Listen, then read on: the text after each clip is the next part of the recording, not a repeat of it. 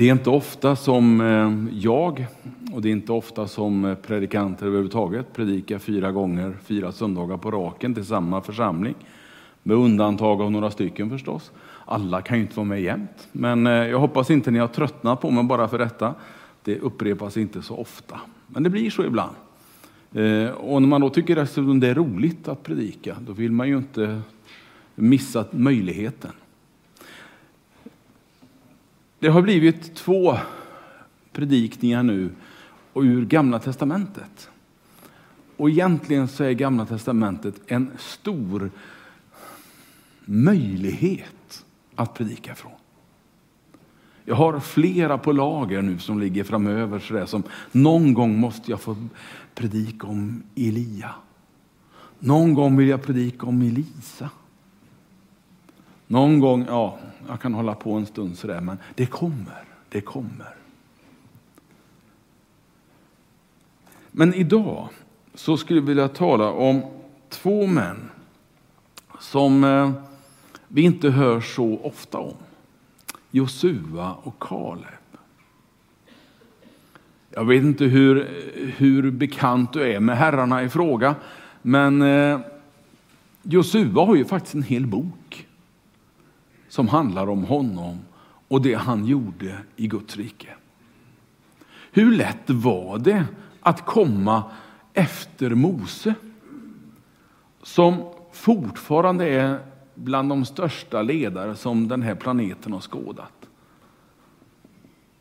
Hur många har tagit med sig mellan 500 000 och en miljon människor rätt ut i en öken och knallat omkring där i 40 år?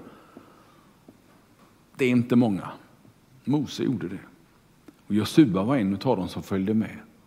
Han var inte gammal eh, när de började. Och Kaleb var en av dem också. Men att ta över efter denna ledare och liksom föra verket vidare, ja, det, det är modigt får man väl säga i alla fall. Häftigt. Tänk om Josua inte hade gjort det. Det står inte ens att Kaleb tänkte på det. I så fall hade det blivit någon som inte hade med sig erfarenheten ifrån de här 40 åren. För alla andra i folket visste inte hur det var att bo i Egypten. Men de här tre, Josua, Kaleb och Mose, de hade erfarenheten. Och av de tre var det bara två Josua och Kaleb som fick följa med folket in i det förlovade landet. Inte ens Mose fick följa med. Jag läste i veckan den där gripande skildringen när Mose förstår att Gud inte vill att han går in utan han får, han får dö på berget. Och Det sista han ser det är en blick av det förlovade landet. En blick av landet som han hade hört om, som han hade försökte göra sig en bild av. Och som han haft som mål i 40 år. Och det står så vackert om Mose. Att när han dog så var det ingen som begravde honom. Jo, Gud. Gud själv begravde honom och än idag har ingen någon aning om var hans grav är. Det är lite häftigt att tänka att efter det, ja då kommer Då kommer Josua. Och vad är hans uppdrag? Ja, hans uppdrag blir ju att föra den här, den här jättebefolkningen in i ett land som faktiskt inte var obebott. Utan det var bebott, det var städer, det var befästa städer. Jag brukar tänka på Bohus fästning som jag gick i skola vid och är uppvuxen vid. Alltså en riktig gammal hedlig fästning ifrån tusentalet och framåt. Det var en liten fästning i jämförelse med fästningen Jeriko som Josua skulle vara med och inta. Eller fästningen vid Ai som också skulle intas. Ja, det fanns fästning på fästning på fästning i detta land. Det är lite häftigt att tänka på vilken utmaning det var. Vi kan ibland tala om utmaningar som vi har och tycka att det är häftigt och stort. Men, men det var inga dåliga utmaningar på den där tiden heller.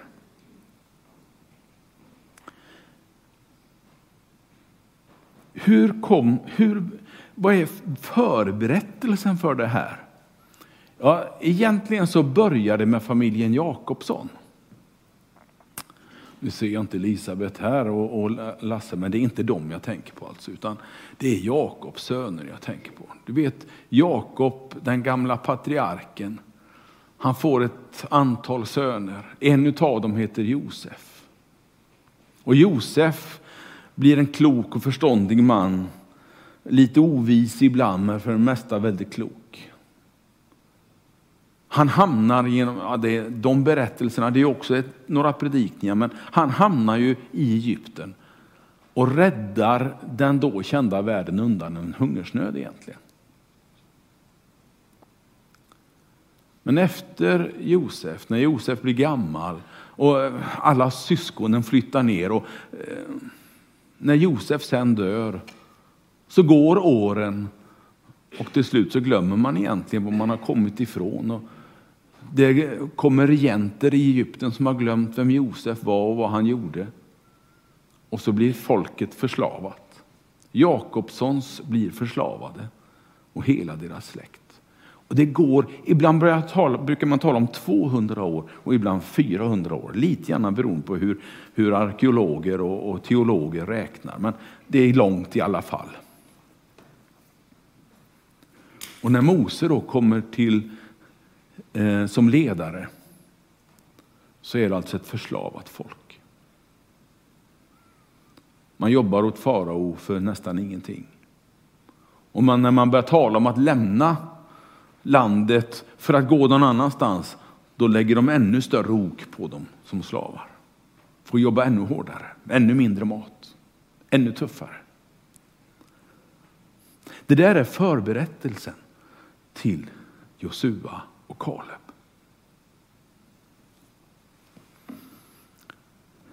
Låt mig få läsa dagens text ur fjärde Mosebok.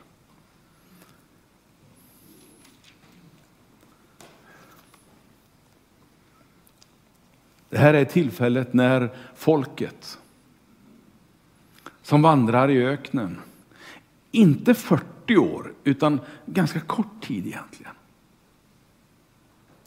Man kommer upp till gränsen till det här landet, Kanans land, det som idag kallas för Israel. Det som då hade många olika namn, men det förlovade landet var ett uttryck. Man kommer dit och Mose säger jag skulle vilja tolv stycken, en från varje stam, en från varje del av folket. Det ska vara ledare, det ska vara kloka människor, det ska vara de bästa vi har.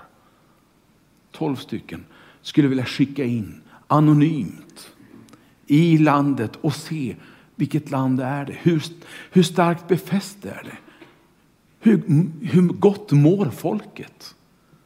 Hur mycket mat finns det? Vilka intryck skulle de få om det kom några hundratusen invandrare på en gång? Ja, vi vet ju vårt intryck när det kom, hur många tusen var det för ett antal år sedan? Var det 30 000? 50 000? Jag kommer inte ihåg. Ännu mer? Ja, det är bra Maria, du har koll på det där, tack. Eh, alltså det, det är ju ett intet jämförelsevis med vad som händer här.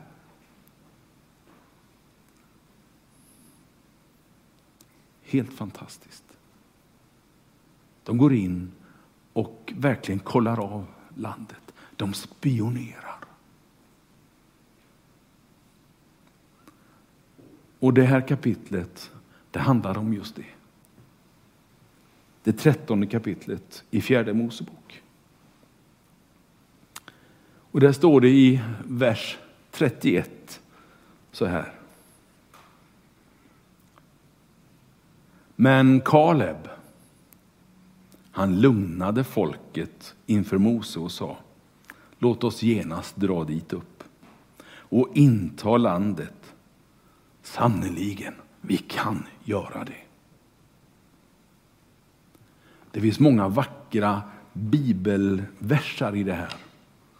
Men jag valde bara den här ja, för att ta en i de många. Det var ju så att, att de gick in och eh, gjorde den här spejarinsatsen. Jag kommer till den om en liten stund. Får jag först ta det som jag tänkte är min huvudrubrik egentligen. Att Kaleb och Josua såg lite annorlunda på resultatet. Alla tolv såg och upplevde samma sak, men Kaleb och Josua hade en lite annorlunda touch när de kom tillbaka. Det var liksom någonting annat som stannade kvar inom, um, inom dem. Det står på ett ställe att det var en annan trons ande. Och det, det, det, är lite, det är lite ett spännande uttryck tycker jag. Och då ställde jag mig frågan hemma, men vad är då tro? Hur skulle jag definiera tro? Om det kan mynna ut i att man ser olika på samma upplevelse. För de hade gått tillsammans och tittat på landet, men kommer tillbaka med två olika versioner. Är tro, är det ett val? När jag var i tonåren så träffade jag och pratade väldigt mycket med min bästa kompis. Vi bodde i samma hus, eh, han på ovanvåningen och vår familj på undervåningen. Och eh, Ronny och jag vi hade en del samtal om kristen tro. Och på ett läger så eh, gav jag honom utmaningen, är inte dags Ronny för dig också att tro på Jesus? Nej, sa han, jag kan inte. Nähä? jag hade aldrig hört det. Vadå, kan inte? Hur då? Hur menar du? Ah, jag kan inte. Det var det enda han kunde säga. Han kunde inte. Och jag fick ju respektera, han, respektera hans svar. Men det tog lång tid att liksom förstå hur, vad menade han egentligen. Kanske det är så att tro är ett val. Jag väljer att tro på Jesus. Det är ingen övertygelse, alltså det är ingen, ingen som kommer och säger att eh, David, så här är det. Nu ska du tro därför att eh, jag överbevisar dig på något sätt. I så fall skulle det ju bli en slags intellektuell kamp om tro eller inte. Och den smartaste vinner. Och ibland är den smartaste då troende och ibland så är den smartaste icke-troende. Nej, så kan det inte vara. Den tron känner jag inte igen ifrån Bibeln.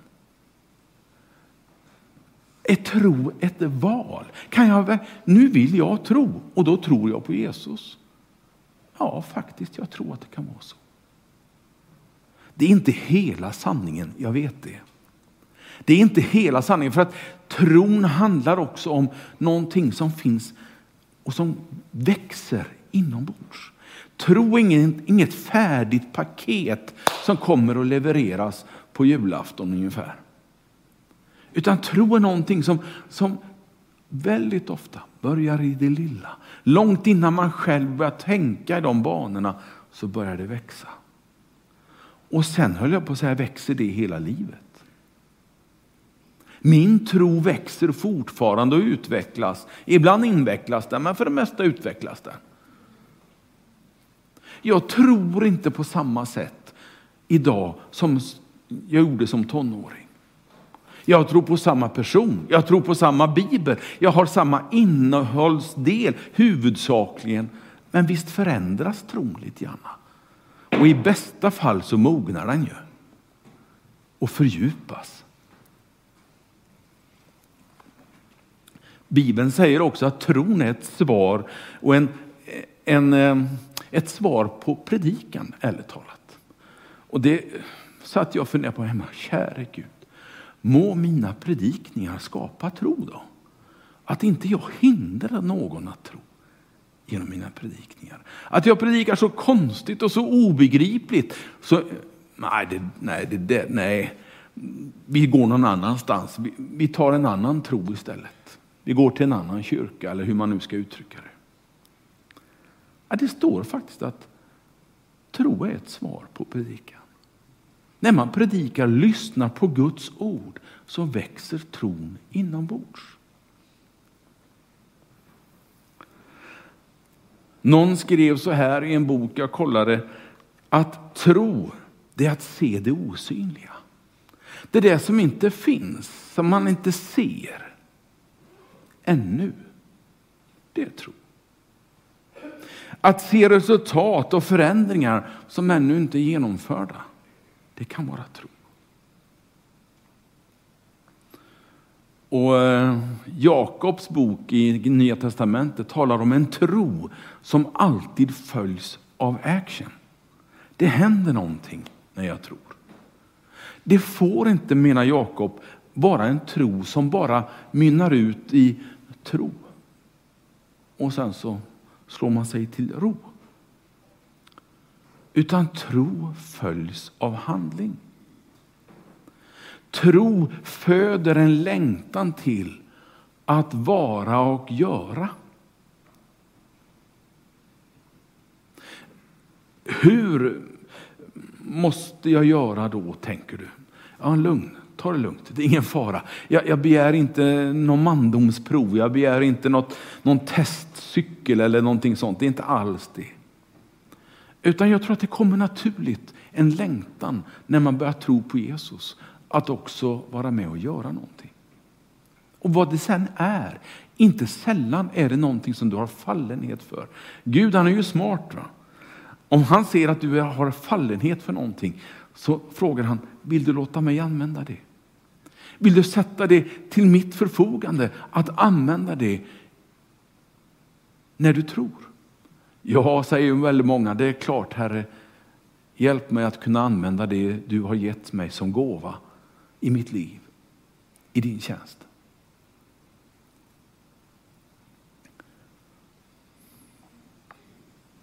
Jag tror att Jakob egentligen också menar att tro utan handling blir väldigt inskränkt och väldigt liten. Men när tron får omsättas i handling så händer det saker med tron som annars inte utvecklas. Tro är väldigt mycket mer, men jag hinner ju inte eh, tala om allt vad tro är för någonting. Men jag skulle önska att, att jag kunde avdramatisera tron lite grann för dig. Så att du vågar och liksom erkänna att ja, men lite tror jag ju. Lite granna tror jag. Låt det utvecklas. Ge det näring. Läs lite granna i Nya Testamentet. Det är inte alls dumt. Ja, Gamla Testamentet duger att läsa också, men det är så mycket större och så mycket, mycket saker som kan vara svåra att begripa i början. Men att börja läsa om Jesus, det är aldrig fel. Och du ska se att tron växer. Nåväl, tillbaka till Josua då. Vad var det för tro som de hade när de kom tillbaka?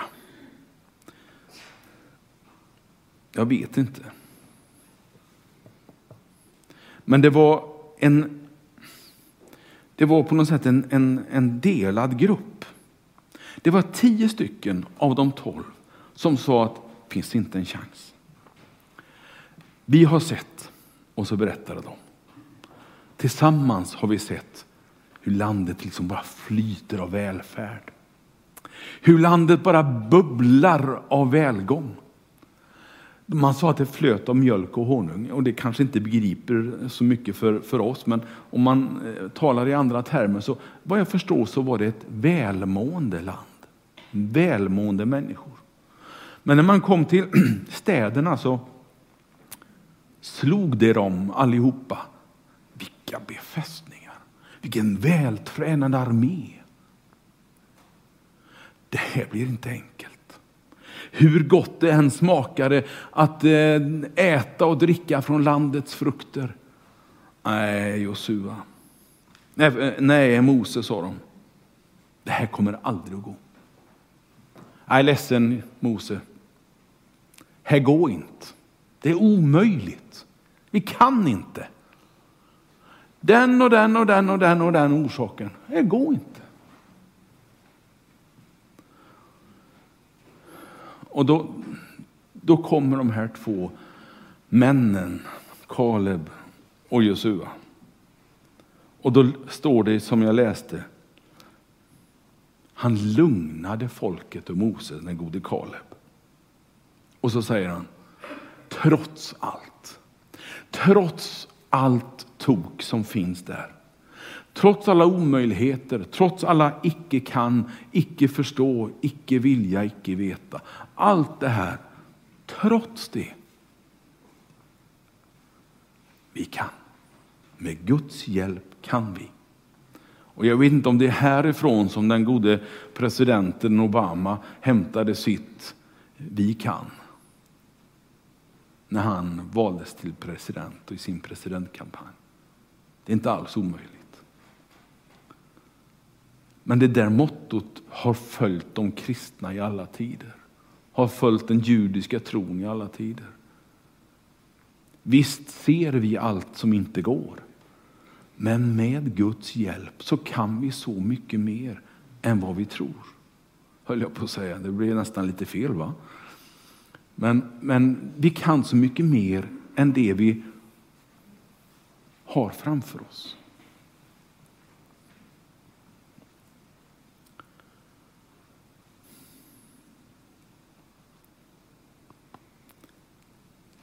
Att de där tio inte vågade, jag vill inte skuldbelägga dem. Jag är inte så säker på vilket håll jag hade ställt mig. Jag skulle nog gärna vilja stått där tillsammans med Kaleb och Josua. Men du förstår, det var ju inga, inga dvärgar de såg där inne i den där armén. Det var ju, de var så stora så de sa det är som jättar. Sa de. Murarna är flera meter tjocka. Det går ju inte de använder de där orden och uttrycken som är liksom trons eviga motstånd. Att det inte går, att det är omöjligt, att vi inte kan. Men Guds möjligheter säger precis tvärtom. Vi kan. Vi får se med Guds ögon. Vi får låta hjärtat börja klappa i Guds takt.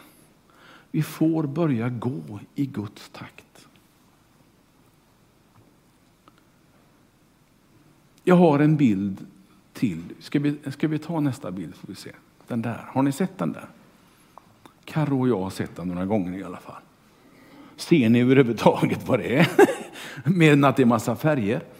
Om ni tittar på, det är ju egentligen en sån här eh, grafisk bild. På, på axeln längst ner så handlar det om kulturvärdena i, i att, eh, eh, ska jag säga, längst ner till vänster så är, är det liksom, eh, hur ska jag uttrycka det nu då? Jo, eh, välmåendet i landet. För alla de här namnen, det är olika länder. Så längst ner till vänster, där är det liksom de fattigaste fattiga. Och längst bort till höger är det de rikaste rika. Den eh, horisontella delen då, där, där handlar det om, om sekularisering eller tro. Längst ner så är det mest sekulärt och längst upp. Eh, eh, längst ner så är det mest tro och längst upp är det mest sekulärt. Det innebär att det står eh, den afrikanska islamiska delen, där är det väldigt både fattigt men mycket tro. Var finns Sverige i det här? För dig som har sett den förut, du glömmer inte den bilden. Och för dig som får se den första gången nu, titta längst upp i högra hörnet. Bland de mest välmående och de mest sekulariserade, där finns Sverige. Där finns Norden. Där finns det protestantiska Europa.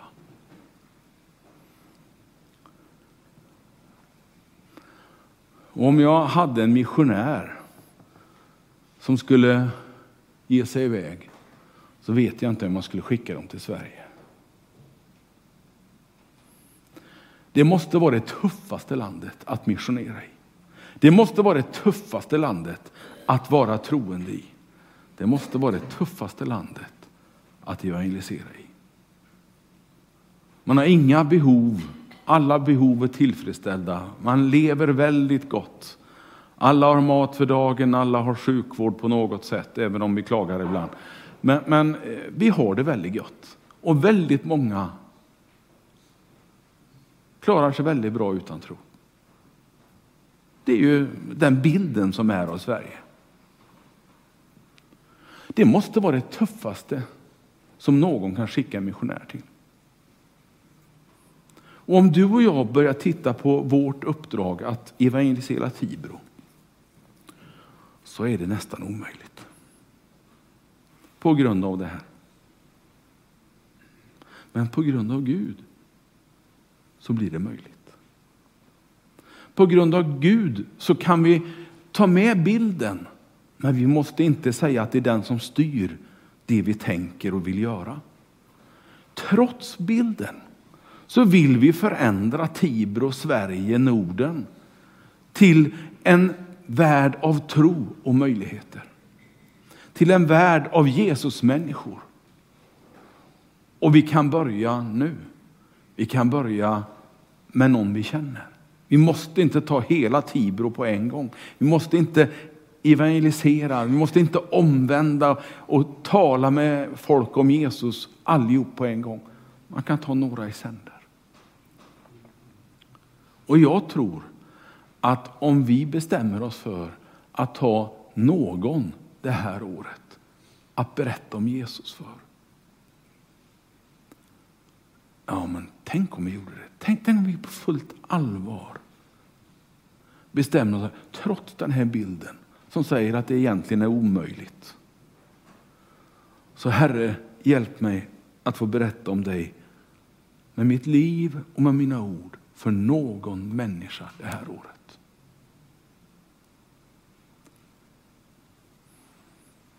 Då kanske vi skulle få 25, 30, ännu fler som står på kö till dopgraven. Som har bestämt sig för, jag vill tro på Jesus. Som inte liksom, eh, lägger in så mycket värderingar i det ena och det andra utan bara säger, Nej, men det här, jag vill tro. Jag vill tro. Jag bestämmer mig för, jag vill tro. Och när jag läser min bibel så läser jag om hur man gick ner i vattnet och blev döpt. Jag vill följa Bibelns exempel. Jag vill bli döpt. Det här är inte omöjligt, det jag talar om. Men eh, det är inte enkelt. Det är ett hårt jobb helt enkelt.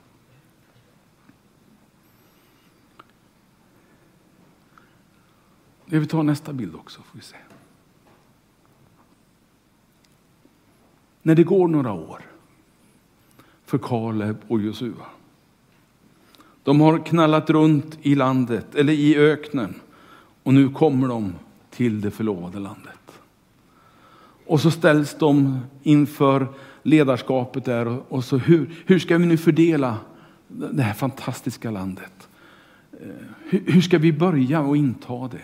Ja, man intar några större städer och sen så säger man att det här går alldeles för sakta. Vi måste, eh, vi måste försöka fördela områdena på olika ledare. Och så får ni ta er an uppgiften. Och så ställer de sig och tittar ut och så väljer de den ena efter den andra, det vackraste och finaste och bästa. Och så börjar Kaleb att fundera.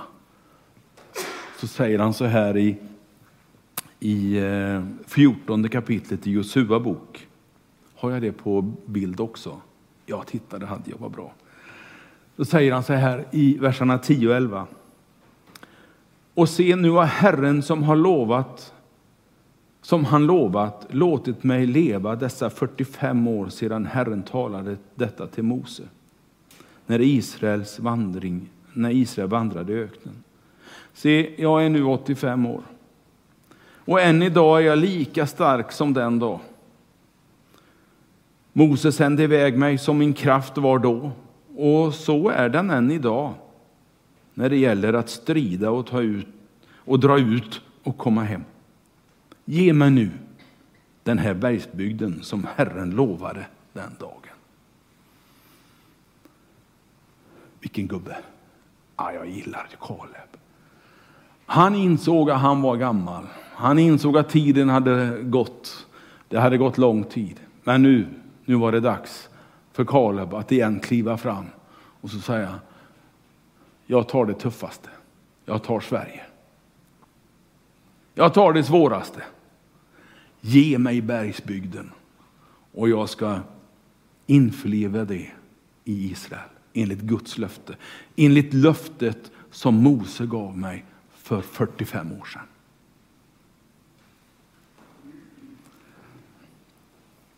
Jag begär inte att alla ska vara en Kaleb. Det vore onaturligt. Faktiskt, det vore konstigt, håll med om det. Eh, om vi alla vore 85 år. Men jag tror att alla skulle kunna be om, Herre ge oss några Kaleb. Som är beredda att, att leda, att hjälpa oss framåt. Trots det, det, det, det och det. Med en tro på Gud, med en omutlig vilja att förändra och förbättra, förvandla med Guds kraft. Att reformera. Att vara med i tiden. Att vinna medmänniskorna. Så tror jag att vi också skulle kunna sätta en prägel på Tibro för 2020-talet. Så att när vi skriver 2030 så talar vi om en församling på 700 medlemmar. Kanske. En församling som sänder ut i missionärer till en värld som ännu inte tror. En församling som har en god ekonomi. En församling med många som är engagerade för lägren, barnlägren, för eh, de vilsekomna i samhället. Som sjunger och spelar till Guds ära. Som predikar, för då har jag gått i pension. Ett 2030. Någonting att se fram emot. Då är jag 70 år, jag är inte ens 85. Tänk om jag får vara med då. Tänk om jag får vara med då och förändra den värld jag då känner igen. Tänk om vi fram till dess har förändrat vår församling. Från en församling där vi känner igen alla, nästan, till en församling som ständigt har nya besökare. Det ständigt kommer in folk som inte har varit i kyrkan förut och som säger fantastiskt, här får, får jag vara med? Nej, du får inte vara med här. Du måste, ja, men jag vill tro. Eh, finns det någon, ja, det, vi har alfakurser. Ja, vad bra. Får jag vara med? Ja, det får du. Då har vi fullt upp. Då har vi fler alfakurser på gång samma termin. Och städningen, ja, den, den, den går bara så är det liksom städat och klart. Det tar en timme att städa kyrkan för vi är så många som vill hjälpas åt. En församling som inte tänker i allt som inte går utan som tänker Herre hjälp oss. Vi kan, vi vill, vi vill tro på någonting som leder framåt. Som leder mot en härlig framtid. Jag påstår inte att det är en församling som inte har några brister, som inte gör några fel, som inte fattar några felbeslut. För den församlingen finns inte idag och den finns inte 2030 heller. Inte en chans att den församlingen kommer att uppträda så länge vi är på jorden. Men det är en församling som fokuserar på det goda. Som fokuserar på Gud. Som fokuserar på tron. Och som tar sig an de fel och de brister som vi orsakar på ett klokt och förståndigt sätt. Med kloka och förståndiga människor. Ja, det, är en, det är en dröm att få komma tillbaka här 2030 och möta en livaktig en församling som där jag inte känner kanske mer än några få jämförelsevis med alla som är medlemmar då. Där barnen inte räcker med två bänkar utan det, det, det blir många. Där alla åldrar finns. där alla möjliga olika idéer om, om hur man ser ut finns. Där inget på det sättet är ovärdigt, utan alla får komma som de är. Ja, det, håll med om att man skulle kunna stå och måla länge på en församling. Frågan är om inte vi ska försöka göra det lite mer. Försöka måla upp det vi vill ska ses, det vi vill ska vara. Och så se hur gör vi för att nå dit. Jag tycker vi har kommit en bit på vägen på våra fredag-lördagkvällar. Kanske vi börjar våga drömma när vi vågar fejsa tron, när vi vågar ta med bönen och säga att Herre hjälp oss. Jesus kär. Ge oss inspiration. Helig Ande, fyll oss med tro och möjlighet. Helig Ande, kom i vår gudstjänst. Och låt oss få uppleva vad du kan erbjuda en församling som vill tro på dig. Jesus kär. Kom i våra hjärtan. Och låt oss få tro på dig på riktigt. Låt vår tro på dig få märkas i det vi gör, i det vi är. Och låt vår stad, låt vår Tibro, Herre, få märka att i stan finns det många kristna. Låt vår Tibro märka att vi tar ditt ord på allvar. Låt Tibro märka att vi älskar dig Jesus. Att vi vill leva nära dig. Att vi vill leva nära vår värld. Och att vi har en underbar skön gemenskap bland varandra. Amen.